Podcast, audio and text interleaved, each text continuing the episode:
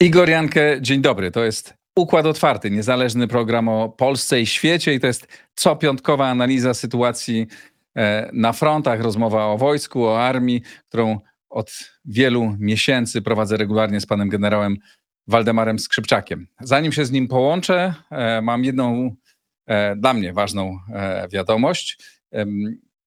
We wrześniu będzie druga rocznica powstania Układu Otwartego.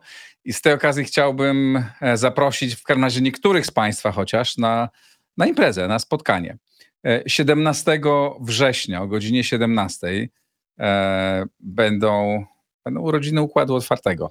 Oczywiście nie mogę zaprosić wszystkich i bardzo wielu osób, dlatego w pierwszej kolejności zapraszam patronów, ale też osoby, które nie są patronami. Jeśli chciałyby wziąć udział, serdecznie zapraszam Państwa. E, proszę wysłać e, informację o tym, że chcielibyście przyjść e, na pod adres kontakt małpa układotwarty.pl kontakt. Ten adres znajdziecie pod, pod tym nagraniem mam tam pewien limit miejsc i ci z Państwa, którzy zgłoszą się pierwsi, e, bardzo mi będzie miło e, Was gościć jako reprezentantów przynajmniej części, mm, e, części słuchaczy. Impreza będzie wyglądać tak, że na początku będzie taka nietypowa dosyć rozmowa, którą będziemy nagrywać i, i, i transmitować dla Państwa, a potem będzie wino, piwo i rozmowy z gośćmi i będą, co ważne, w tej imprezie będą uczestniczyć goście Układu Otwartego. I I za chwilę zaproszę jednego e, e, z gości. Domyślacie się Państwo kogo? Już za chwilę się z nim łączę. Jak zawsze tradycyjnie bardzo dziękuję wszystkim patronom, mecenasom. To dzięki Wam ten program robię, a teraz już łączę się z Panem Generałem. A oto mecenasi Układu Otwartego. XTB zaprasza na bezpłatny kurs inwestowania na giełdzie. Bartosz Szyma, zawodowy inwestor, pokaże jak wyceniać wartość spółki giełdowej oraz w jaki sposób budować portfel inwestycyjny. Link w opisie. Nowoferm, dostawca bram, drzwi i ramp dla przemysłu, logistyki oraz użytkowników prywatnych. OnGeo.pl Geoportal dostarczający raport o terenie z diagnozą dowolnej działki dla właścicieli, sprzedających lub kupujących. Firma E2V zajmuje się sprzedażą i zakupem zielonej energii pochodzącej wyłącznie z odnawialnych źródeł. Dzień dobry, panie generale. Witam pana, witam państwa. Dzień dobry. Zanim zaczniemy, y, przekażę oficjalnie zaproszenie również dla pana, dla pana na e, drugie urodziny Układu Otwartego. E, trudno sobie wyobrazić bez pana, jest pan najczęstszym gościem tego programu. E, co piątek poświęca pan nam czas, za co bardzo, bardzo dziękuję. I jeśli uda się panu, rozumiem, że jest taka szansa, to, to serdecznie, serdecznie zapraszam. Bardzo dziękuję panu za zaproszenie, dziękuję za pamięć. Pan generał wstęp wcześniej już powiedział, że jest szansa, e, e, e, że, że odwiedzi nas, więc będziecie Państwo mieli też okazję porozmawiać bezpośrednio. I mam też dla Pana, jeszcze zanim zaczniemy, i dla Państwa jedną ważną informację. Otóż tydzień temu namawialiśmy do, do zrzucenia się jeszcze, do rzucenia się na ten na naprawę e, tego pojazdu, tej ciężarówki, która ma ciągnąć haubice w pułku, dla pułku Kalinowskiego. I celem było to, żebyśmy zebrali 10 tysięcy złotych. Ponieważ atmosfera no, już jest trochę inna niż była, miałem pewne obawy. E, otóż te 10 tysięcy złotych zebraliśmy w 3 godziny po nadaniu, po rozpoczęciu premiery programu. Po prostu. Brawo. E, brawo. dla państwa i dla pana generała, bo pan również do tego namawiał. Co więcej, na, zaznaczyliśmy wtedy, że, e, e, e, że jeżeli płacicie państwo, jeżeli będą jakieś, zostaną jakieś pieniądze, to je wydamy na dodatkowe rzeczy, które pomogą albo żołnierzom pułku Kalinowskiego, albo kogoś innego. No chcieliśmy zebrać 10 tysięcy, mamy w tej chwili 30 e, 2000 zł, o ile pamiętam, górk. Czy mamy 27 tysięcy, nie, przepraszam, 37 tysięcy. E, e, zebraliśmy więcej, więc mamy 27 tysięcy górki, e, którą oczywiście przeznaczymy na pomoc dla żołnierzy. Już rozmawiałem, dzwoniłem na Ukrainę. Mm, Zakupimy sprzęt medyczny, jakieś staz, stazy e, i rozmaite takie rzeczy, które są potrzebne e, e, żołnierzom. E, Tam dla pułku Kajnowskiego, a też dla innych jeszcze jakieś tam stroje e, e, takie wojskowe i, i, i opony do samochodów. E, To wszystko Państwu pokażemy, jak kupimy. E, Samochód już e, wreszcie mogliśmy go odebrać i chyba się zaczyna albo zaraz się zacznie naprawa. E, I dokonują już tutaj przedstawiciele Warszawie Pułku Kalinowskiego. Bardzo serdecznie dziękuję wszystkim. jeden z gości wpłacił, jeden ze słuchaczy naszych zresztą wpłacił 10 tysięcy złotych.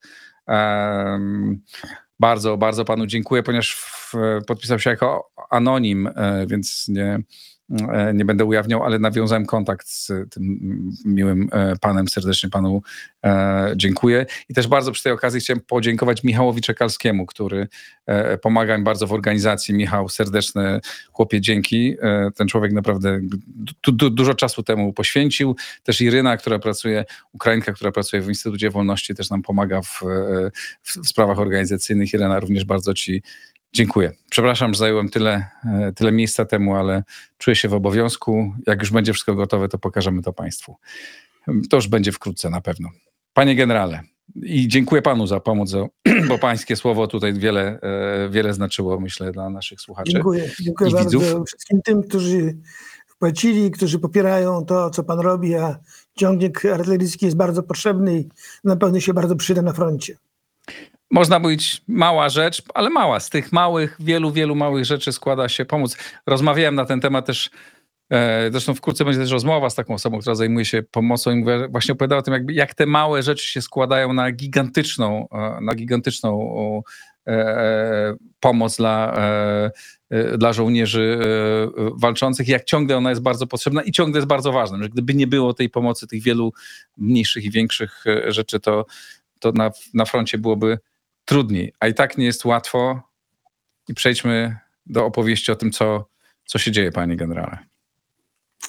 Znaczy generalnie zacznijmy może od tego, co kumuluje uwagę wszystkich, czyli kontrofensywa. Kontrofensywa rozwija się bardzo wolno, ale się rozwija. Ukraińcy powoli spychają wojska rosyjskie na kierunku Melitpola i Berdiańska, pogłębiając, poszerzając też y, rejon wyłomu. Widać wyraźnie, że mm, Ukraińcy nie tylko prą do przodu, łamiąc pozycję obrony armii rosyjskiej, ale również poszerzają wyłomy na boki, czyli e, czynią jakby e, warunki do tego, że w przypadku, gdyby Rosjanom padło do głowy kontratakować, będą mieli mm, osłonięte swoje skrzydła Ukraińcy i to gwarantuje powodzenie w tej operacji. Pod- Podkreślam, że nie ma jakiegoś szalonego postępu, ale generalnie jest on większy niż był na początku kontrofensywy, czyli generalnie widać wyraźnie, że po pierwsze e, Ukraińcy są już głębiej, głębiej niż do tej pory byli, czyli są za pierwszą pozycją e, obroną armii rosyjskiej główną, są przed drugą, ale widać wyraźnie, że między drugą, między pierwszą a drugą pozycją główną e, Rosjanie nie mają tyle pól minowych, tyle przeszkód terenowych, przygotowali fortyfikacyjnie, inżynieryjnie, bo Ukraińcy mają większe tempo w tych działaniach w tym, w tym rejonie między pierwszą a drugą pozycją. Mm, To świadczy o tym, że Rosjanie skupiali się przed pierwszą pozycją, a e, nie mieli już czasu, może i sił, żeby tak samo jak przed pierwszą zrobić e, systemy zapór i pól minowych przed drugą.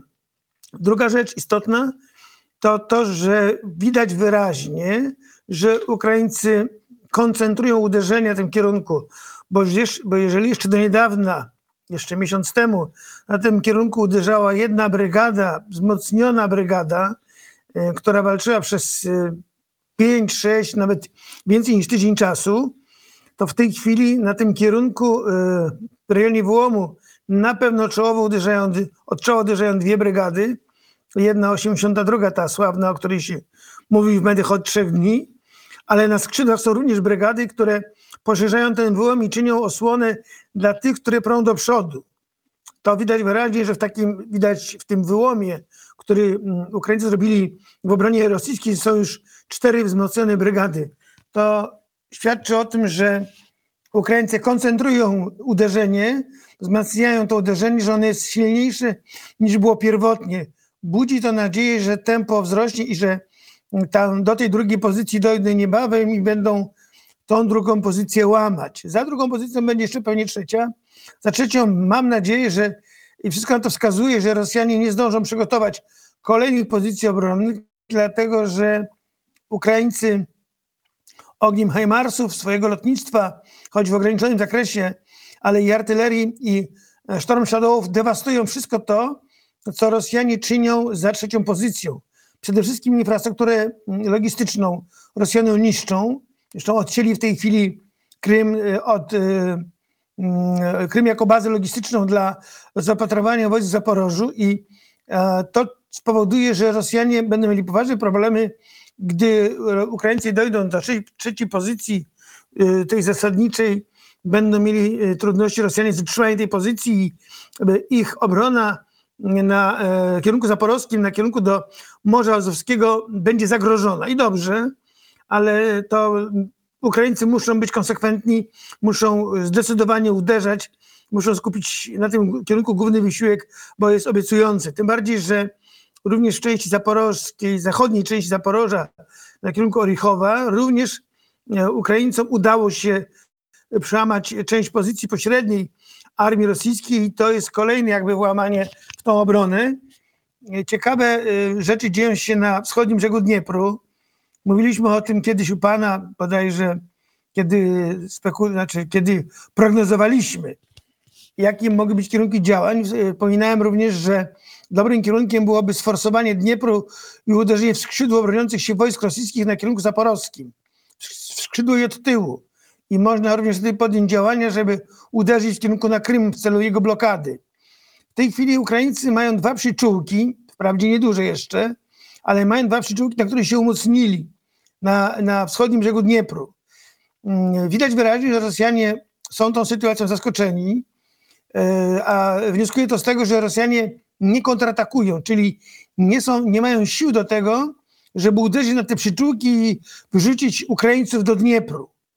A zatem wydaje się, że Ukraińcy stwarzają sobie warunki do tego, że w przypadku większego włamania się w obronę armii rosyjskiej na kierunku Melitpola i Berdiańska, być może będą warunki ku temu, żeby sforsować Dniepr większymi siłami i z tych przyczółków wykonać uderzenie na tyły i skrzydło armii rosyjskiej w rejonie Zaporoża i odciąć Krym. Ale to jest, mam nadzieję, przyszłość. Warunkiem jest to, żeby Ukraińcy mieli odwody strategiczne, i żeby sytuacja na pozostałych odcinkach frontu była w miarę stabilna i pod kontrolą armii ukraińskiej. To jeżeli chodzi o kierunek zaporowski. W centralnej części frontu... A proszę jeszcze to... powiedzieć, zanim pan przejdzie do następnego, e, e, następnego e, odcinka, jak głęboko weszli w tym rejonie Ukraińcy w stosunku do początku znaczy, kontrofensywy? Według szacunków szerokość pasa, szerokość tego korytarza jest 4-6 kilometry, a, kilometrów, przepraszam, a głębokość jest 10-12. Niektórzy mówią, że 8, ale ja z tego, co, co mam informację, to jest już prawie 12 kilometrów, to jest dużo. Wprawdzie do morza jeszcze ponad 70, e, ale to jeżeli udaje się przełamać drugą pozycję i trzecią, wtedy wojska e, wejdą w tak zwaną głębię operacyjną, niebronioną, gdzie nie ma zorganizowanej brony i, i to pozwoli im zwiększyć tempo, e, tempo działania. Wydaje się, Rozumiem, że to, co jest ważne, bo pan opowiadał, cały czas mówił o tym, że trzeba skoncentrować swoje działania. Rozumiem, że tam skoncentrowali w jednym, w jednym rejonie. Znaczy, z, z tego co wiem, tam są cztery, pięć brygad, które w tej chwili są w bezpośrednim kontakcie z armią rosyjską.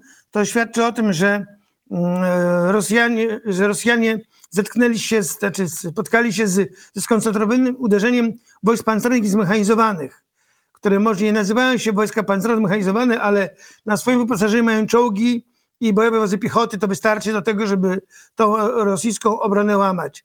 E, uważam, że jeżeli w ciągu tygodnia, dwóch tygodni tempo natarcia będzie utrzymane, to uda się Ukraińcom przełamać drugi pas obrony, drugą pozycję obronną, wtedy powstaną warunki do tego, żeby e, po pierwsze e, spotęgować uderzenia w kierunku Morza i spróbować być może, jeżeli się zdecydują Ukraińcy dwoma brygada, bry- brygadami maksymalnie sforsować e, Dniepr i z przyczółków tych uderzyć na tyły i skrzydło armii rosyjskiej w rejonie Zaporoża. E, Ta armia już ma problemy poważne rosyjska z logistyką. Dzięki tym uderzeniom w głąb, głębokim uderzeniom armii ukraińskiej. I to wróży powodzenie, jeżeli sytuacja, jeżeli chodzi o wsparcie armii rosyjskiej, jeżeli chodzi o logistykę, się poprawi, Rosjanie będą mieli poważne problemy z utrzymaniem e, południowej części Zaporoża i części obwodu hersońskiego. A co na innych odcinkach? Bo y, miał pan, chciał pan przejść do, do opowieści o, Rosjanie- o, o, o, na bardziej na północ. Rosjanie podejmują działania zaczepne na innych kierunkach. Co może być i powodem tych działań zaczepnych? Przede wszystkim Rosjanie chcą utrzymać te terytoria, które yy, zdobyli i które okupują. To jest ich główny cel. Po drugie, chcą wiązać siły yy, armii ukraińskiej, żeby uderzenia, które Ukraińcy prowadzą na południe w kierunku zaporowskim, żeby były słabsze, bo Ukraińcy muszą cały czas angażować swoje większe siły e, na kierunku centralnym i na kierunku północnym. Jeżeli chodzi o kierunek centralny, e, w rejonie Awdijiewki e, i w rejonie Bachmutu Rosjanie atakują, kontratakują w zasadzie. Dochodzi do bardzo zaciętych walk. Rosjanie nie mają powodzenia w zasadzie mm, e, na, na, na kierunku na zachód od Doniecka. Nie mają powodzenia w tych natarciach. e, Rozbijają się na obronę mm, ukraińską. Natomiast na północy, w rejonie Bachmutu, Ukraińcy bronią się bardzo uporczywie. Na północ, na północ od Bachmutu, gdzie Rosjanie próbują to skrzydło, które zagraża Bachmutowi, e, wyprzeć z tej pozycji, czyli to, to wojska ukraińskie, które są na północ od Bachmutu, Rosjanie chcą wyrzucić z tamtych, tamtych rejonów, ponieważ mm, te wojska cały czas skutecznie ostrzeliwują i wojska rosyjskie w Bachmucie i na drogach dojazdowych do Bachmutu, paraliżując wojskom rosyjskim e, dostawy logistyczne. Ja powiem tak, panie redaktorze, dla mnie Bachmut to jest bitwa o symbol. Czy warto y, tyle wojska poświęcać o symbol? Ja to mówię od roku, od, może od roku czasu nie, ale od bardzo długiego czasu. Niektórzy mnie krytykowali, że ja uważałem, że Bachmutu nie należy tak bronić na taką cenę, ale Bachmut po- pochłonął, jeżeli chodzi o obie strony, po kilka brygad. E, Brygad będzie brakowało jednym drugim. Ukraińcom będzie brakowało na kierunku, gdzie prowadzą e, kontrofensywę, ale e, Bachmut stał się taką maszynką do mielenia mięsa i wydaje mi się, że spełnieniem bardziej ambicji wojskowych, bo proszę zauważyć, na tym kierunku nie ma żadnego przełomu. Na tym kierunku nie ma wejścia w głębię operacyjną ani obrony rosyjskiej przez Ukraińców, ani odwrotnie. W zasadzie toczy się bitwa cały czas w jednym miejscu. I ta maszynka do mielenia mięsa pochłania ogromne ofiary. Tysiące żołnierzy poległo w Bachmucie. I proszę zobaczyć, że nie ma tam żadnego celu operacyjnego. Przekonany byłem, że ramach, że w ramach kont- kontrofensywy Ukraińcy uderzą na północ i południe od Bachmutu, ominą Bachmut i pójdą dalej w głąb e, przestrzeni tej operacyjnej do rzeki Siewierski Doniec, rozbiją wojska rosyjskie w łuku, w łuku, don, e, w łuku donbaskim i, i odbę- odbiją tą część wschodnią Donbasu. Nic takiego się nie dzieje. Te wojska nieustannie walczą o Bachmut i przesunięcia na froncie są w ciągu doby 50 metrów, 100 metrów, 150 metrów, a ofiar stosy rosną. Nie wiem, nie rozumiem idei tej operacji, e, bo jeżeli chodzi o Rosjan, mają taki rozkaz, ale czy Ukraińcy muszą y, w tą maszynkę się do mięsa pchać, tracić tylu żołnierzy, gdzie potrzebują żołnierzy gdzie indziej, ale to już jest sprawa tego dowódcy, który tam dowodzi. E, mi tylko szkoda tych żołnierzy, którzy tak dobrą sprawę walczą o symbol, a nie walczą o to, żeby odbijać y, z rąk armii rosyjskiej okupowane terytoria, bo na tym kierunku nic się nie udało. Niestety. A E, proszę kierunek- powiedzieć. Mhm. Przepraszam. Okej. Proszę. Nie, nie, proszę kontynuować. E, Na północ od y, Bachmutu Rosjanie prowadzą działania zaczepne, tak jak mówiliśmy o tym wcześniej, próbują wyrzucić wojska ukraińskie z tego rejonu między rzeką, rzeko, rzekami Zierebiec a rzeką, rzeką, rzeką Oską. To jest ten Przepraszam, teren, czy to jest ten rejon? Czy to jest, teraz pan mówi o tym ataku, o którym on, pan opowiadał tydzień temu, że Rosjanie Tak. zaczynają atak na północy, tak? I to brzmiało tak dosyć groźnie. Tylko I chciałem to, I to dalej wygląda groźnie, dlatego że Rosjanie w tej chwili skumulowali wysiłek właśnie na tych uderzeniach. Chcą dojść za wszelką cenę do Kupiańska i, wyprzeć, i do Borowej. Chcą wyprzeć wojska ukraińskie e, z tego terenu, który Ukraińcy zdobyli w ubiegłym roku we wrześniu w ramach tej operacji charkowskiej. E, Widać wyraźnie, że, że Rosjanie stawiają na wszystko na jedną kartę, ponieważ tam zaangażowali swa, cały swój potencjał odwodowy. Tam skierowali oba odwody strategiczne. Pierwotnie sądziłem, że będą trzymali w Bachmucie, w rejonie Bachmutu jeden odwód, okazał, jedną dywizję. Skierowali ten, na tym, jednak na północ tą dywizję skierowali. Chcą za wszelką cenę na kierunku Borowa, na kierunku Kupiańska rozbić, przełamać obronę y, ukraińską, wyrzucić ich za rzekę Oską. Mm, Ukraińcy zorientowali się, y, wprawdzie późno trochę, bo y, uważam, że ta obrona nie jest jeszcze gotowa do końca, ale zorientowali się i skierowali część odwodu strategicznego na wzmocnienie obrony w tym rejonie. I potencjał, który mają Rosjanie jest przeważający nad e, potencjałem, który dysponują Ukraińcy, ale można mieć nadzieję, że Ukraińcom uda się ten rejon utrzymać. Przy czym chciałbym zwrócić uwagę, że jeżeli Ukraińcom e, uda się obrona na, na, w tym rejonie między rzekami Dzierebiec a Oską, prawdopodobnie muszą się liczyć z tym, że Rosjanie uderzą od północy z obwodu białogorodzkiego w tą przestrzeń, która jest między rzekami Oską i Doniec. Dlatego, że jest taka przestrzeń bezpieczna, ona chroni e, wojska te, które uderzają od północy przed uderzeniem z zachodu z kierunku Charkowa i wróci temat, podejrzewam, jeżeli się uda im, Rosjanom, a ja bym tego kierunku nie wykluczał całkowicie, to kierunek, który byłby z Białgorodu na Bałakiję. My ją, Bałakiję. My ją pamiętamy z ofensywy kwietniowej, kiedy Rosjanom się udawało, toczyły się w tym rejonie bardzo ciężkie walki. Jeżeli by udało się Rosjanom zrolować obronę armii ukraińskiej na Rzeczę Oską, to mają warunki do tego, żeby to uderzenie od północy pociągnąć bardziej na południe w kierunku na Bałakiję, a później na ym, Słowiańsk i Krematorsk. Jest to bardzo niebezpieczne, w związku z tym muszą Ukraińcy wydzielić część odwodu na ten kierunek, żeby y, tą operację zaczepną armii rosyjskiej e, zatrzymać. Przy czym e, ja mówiłem o tym, że Ukraińcy, przepraszam, Rosjanie mają dwa, e, dwie dywizje z odwodu- strategicznego, między innymi to są dywizje pierwszej Armii Pancernej Gwardii, ale oni otwarzają kolejne odwody. Według mojej oceny te odwody nie będą gotowe wcześniej jak na koniec sierpnia. Czyli prawdopodobnie w tej chwili Rosjanie tymi siłami, które mają, będą chcieli wyjść na rzekę Oską, a jeżeli to im się uda, to mogą tymi siłami, które będą mieli na koniec sierpnia, to będzie około 5-6 brygad, mogą uderzyć od północy. Mm, Przy czym e, warunek jest jeden, że nie skierują tych sił na kierunek południowy dla wzmocnienia obrony na kierunku zaporowskim. E, Rosjanom jest bardzo ciężko w tej chwili mm, prowadzić operację zaczepną, jednocześnie tą obronną na południu, ponieważ mm, Ukraińcy sobie radzą na południu świetnie, na północy, jeżeli odwody, część odwodu strategicznego zaangażują do obrony na rzece Zierebiec i Oską, to załamią natarcie armii rosyjskiej. Rosjanie, e, ich działania zostaną na całym froncie aktywne, do tej pory zatrzymane obroną ukraińską.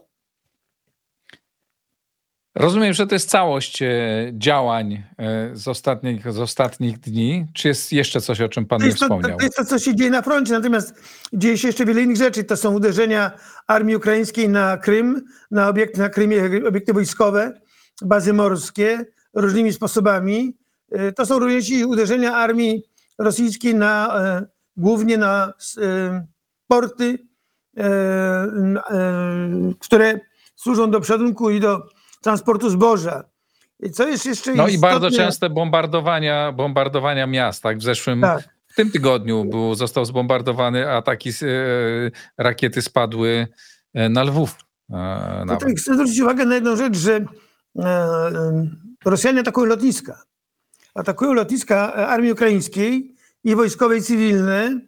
Wynika to z faktu, że e, te uderzenia, które są wykonywane innymi na bazy morskie, na obiekty na Krymie, wykonywane są z użyciem sił lotnictwa armii ukraińskiej, która wyposażona jest w Storm, Storm Shadow, które są odpalane z pokładu samolotu.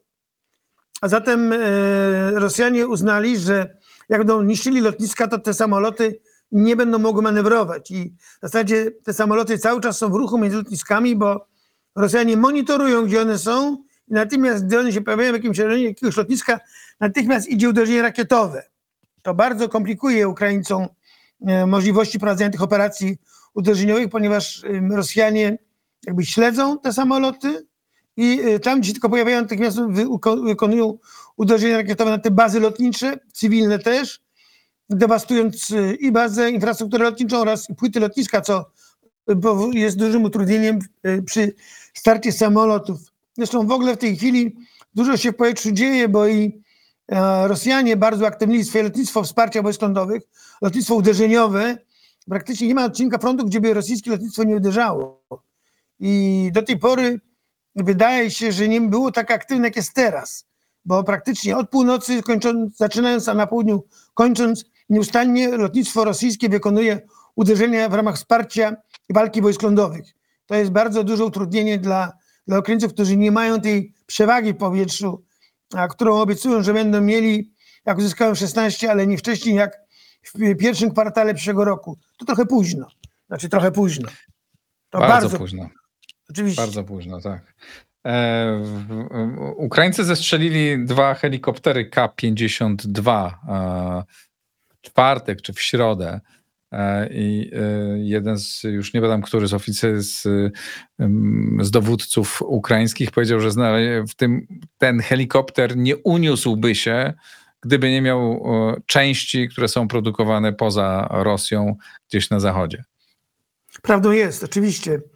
Znaczy, wie pan, to jest, y, my mówimy też u pana od dawna o tym, że sankcje oficjalne to jest jedna rzecz, a to, że jest wielu pośredników, którzy zajmują się przemytem broni i innych środków, komponentów do, do broni, to jest drugi rynek. Ogromny rynek, powiem, nie wiem, czy nie większy od oficjalnego rynku, który funkcjonuje. E, Trochę o tym drugim rynku, o tym jak tych pośredników, akurat nie, nie, nie samego sprzętu wojskowego, rozmawiałem z panią profesor Agnieszką Legucką. E, ta rozmowa była wyemitowana w czwartek wieczorem. Y, Zachęcam państwa do, e, do obejrzenia, ale tam rozmawialiśmy też o tym właśnie, że te sankcje e, nałożone wreszcie zaczęły, przyno, przyniosły swoje efekty. To wiadomo, one nie mogły zadziałać e, szybko, ale ten e, dramatyczny spadek wartości rubla no to jest taki właśnie długo, długofalowy efekt działania sankcji, więc one zaczynają działać, aczkolwiek one też to, to nie jest tak, że od tego gospodarka upadnie i Rosja, e, i Rosja Rynek padnie, ale, Panie ale chciałem Państwa namawiać do zbrojeniowy się- posłuchania. Tak, przepraszam. Nie, nie, proszę, proszę uprzejmie. Bo tylko powiem Znaczy, dwa słowa, że tam mówimy o tym... Och, wchodzimy Przepraszam, sobie, no, niestety to jest... kończy, Nie, no to jest... Nie, nie, to ja przepraszam pana, to jest efekt tego niestety, jak rozmawiamy e, na odległość. To ja przepraszam, tylko powiem dwa słowa. O czym mówiła Agnieszka Legucka i o skutkach, mm, o skutkach tych sankcji i o tym właśnie, jak, Ros jak Rosja ciągle omija sankcje przez pośredników w innych krajach. Tak? Znaczy, jak część rzeczy, e, e, e, jak część rzeczy, e, część swoich dóbr Rosja sprzedaje pomimo wszystko tylko po prostu lewymi, lewymi kanałami, ale też jest, mówi o tym, jak Putin kupuje i swoje otoczenie, i jak kupuje ludzi. Mówi, ona nazwała to nekropolityką, ponieważ opowiada o takim zjawisku e, dużych dopłat, znaczy bardzo duże, bardzo duże e, w tej chwili zwiększono e, nie wiem jak to powiedzieć, rekompensaty dla e, e, rodzin, których mężowie czy ojcowie zginęli na wojnie. Jaki jest tego skutek? Że w ciągu ostatniego kwartału wzrosła o 50 tysięcy liczba zawieranych ślubów, e, ponieważ liczą się z tym, no, że, e, że mogą, e, że mężowie mogą nie zwrócić, w związku z tym zawierają śluby, żeby w razie czego kobieta mogła dostać pieniądze. To jest straszne. O tej nekropolityce, o rozmaitych innych rzeczach. Namawiam Państwa do rozmowy z e, Agnieszką Legucką, Legucką ale też chciałem Panu o tym powiedzieć. Już oddaję głos. Tak, dlatego chciałem tylko powiedzieć, że rynek zbrojeniowy rządzi się, rządzi się swoimi prawami i e, jest wielu dostawców, którzy skrzętnie mijają w różny sposób przez pośredników, jak pan wspomniał, w różny sposób i przemycają do Rosji komponenty do, do e, systemów różnych. Ten rynek bardzo jest mocny, jest bardzo żywotny i e, poza kontrolą w dużej części. To mnie, wie pan, zastanawia, że państwa zachodnie nie są w stanie kontrolować swoich zakładów zbrojeniowych i że część komponentów, które są unikalne, dociera jednak do Rosji i pozwala między innymi latać śmigłowcom K2, K2, K52. Na koniec chciałem pana zapytać o nie o, o, o uzbrojenie, które jest e, e, na Ukrainie, e, które jest albo go jeszcze nie ma, ale o uzbrojenie, które widzieliśmy kilka dni temu w Warszawie, o paradę Wojska Polskiego. Jak, jak pan ocenia i, i, i samą tę paradę i to, co pan zobaczył tam i jak pan to ocenia jako dowódca, jako Znaczy, żołnierz? pan, marzeniem naszym było zawsze mieć nowoczesny sprzęt. W czasach, kiedy ja e, służyłem w armii, dowodziłem przecież dwoma dywizjami, trzema dywizjami. Zawsze mieliśmy problem z przekonaniem polityków do tego, że trzeba się wyzbyć technologii poradzieckich. Mieliśmy czołgi PT, oczywiście T-72, mało leopardów, y, nazywanych przez których nie, używki, dobre bardzo leopardy 2A5, powiem lepsze od K2, ale to tak przy okazji, bo K2 to też są używki, które dostajemy. Panie redaktorze, serce rośnie, jak się to widzi, ten potencjał. Oczywiście jest to początek drogi, bo wtedy będziemy mogli powiedzieć, że mamy silną armię, kiedy będą rozwinięte wszystkie dywizje, będą ukompletowane do etatu pokojowego przynajmniej, będą miały sprzęt również ukompletowany do etatu pokojowego. Czyli będzie to armia, która będzie zdolna do obsadzenia sprzętu, który w tej chwili do Polski dociera. Będzie to armia, która będzie miała do tego sprzętu amunicję produkowaną w Polsce i polska armia będzie obsługiwana przez polski przemysł zbrojeniowy, a nie przez obcy. Bo ubolewam na tym, że wszędzie, gdzie czego byśmy nie robili w polskim przemyśle, za tym stoją Koreańczycy. Proszę zauważyć, że nawet przy wozie bojowym 4x4, który ma zastąpić BRDM-a, jest Kia, są Koreańczycy. A przypomnę, że przez przyna- przynajmniej ostatnie 12 lat w polskim przemyśle zbrojeniowym były czynione starania o to, żebyśmy byli producentem tego typu wozów w Polsce. Mało tego, był program, który nazywał się LOTR, tak, e, lekki opancerzony transporter rozpoznawczy, e, który był robiony w Polsce, na którego przygotowanie, czyli prace badawcze rozwojowe, wydano duże pieniądze. Gdzie jest LOTR polski? Dlaczego znowu się pojawia koreański? Ja, ja tego nie rozumiem, panie. Ja nie kwestionuję tego, że mamy czołgi, czy mamy wyrzutnie z Korei. Ale widać wyraźnie, że deprecjonuje się polski przemysł zbrojeniowy.